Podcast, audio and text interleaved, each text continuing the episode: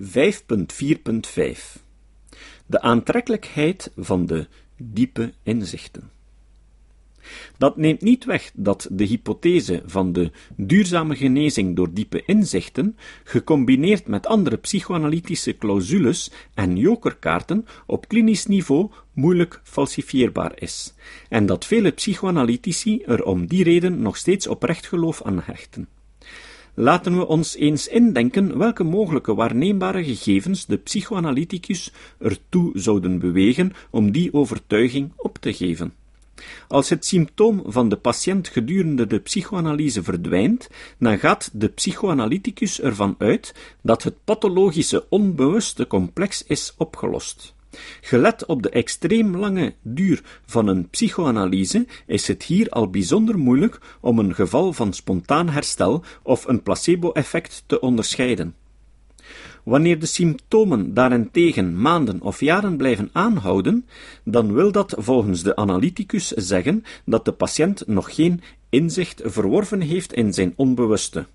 Volgens Freud is het bovendien mogelijk dat een patiënt een correcte analytische interpretatie intellectueel begrijpt, maar nog niet daadwerkelijk aanvaard heeft of tot zich heeft laten doordringen. Het zogenaamde noodzakelijke inzicht waarover Freudianen spreken, wordt met andere woorden arbitrair gedetecteerd en zodra er verbetering merkbaar is bij de patiënt, een geval van genezing door inzicht, onderscheiden van bijvoorbeeld een placebo-effect, is hier dus compleet onmogelijk. Als er na een periode van herstel opnieuw symptomen opduiken of terugkeren, dan zal de analyticus concluderen dat er nog diepere complexen aanwezig zijn en bewijst dat circulair de theorie van de symptoomsubstitutie. Als een patiënt duurzaam lijkt te herstellen door een andere psychotherapie, dan kan de psychoanalyticus altijd wel iets vinden waar hij de gesubstitueerde doorwerking van een onbewust conflict ontwaart, vanwege het veelzijdige en onzichtbare karakter van de theorie van de symptoomsubstitutie.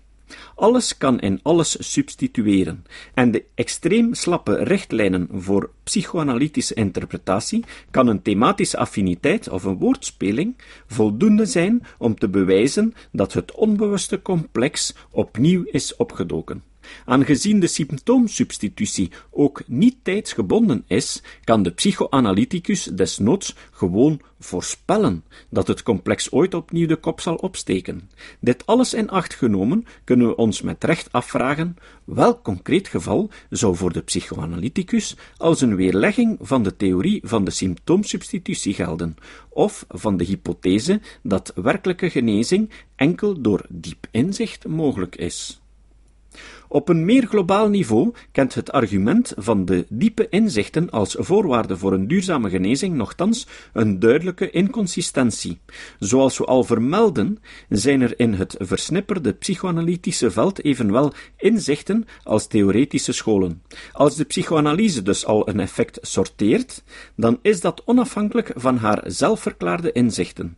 Het mogen bovendien duidelijk zijn dat het argument in ieder geval ook incompatibel is met de immunisatiestrategie van het hermeneutische hazenpad, aangezien de hermeneuten afstand doen van elke waarheidsaanspraak, vervalt meteen ook het argument van de genezing door diepe inzichten.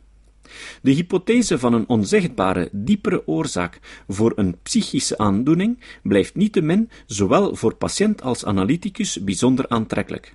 Het is een gekend feit, zoals Jacques van Rillard schrijft, dat ce qui est profond accède à un statut de dignité et de suprématie sans égal door steeds opnieuw de klemtoon te leggen op de mysterieuze diepgang van de psychoanalyse en haar te contrasteren met het oppervlakkige karakter van de rivaliserende theorieën, weten psychoanalytici nog steeds veel mensen een rad voor de ogen te draaien.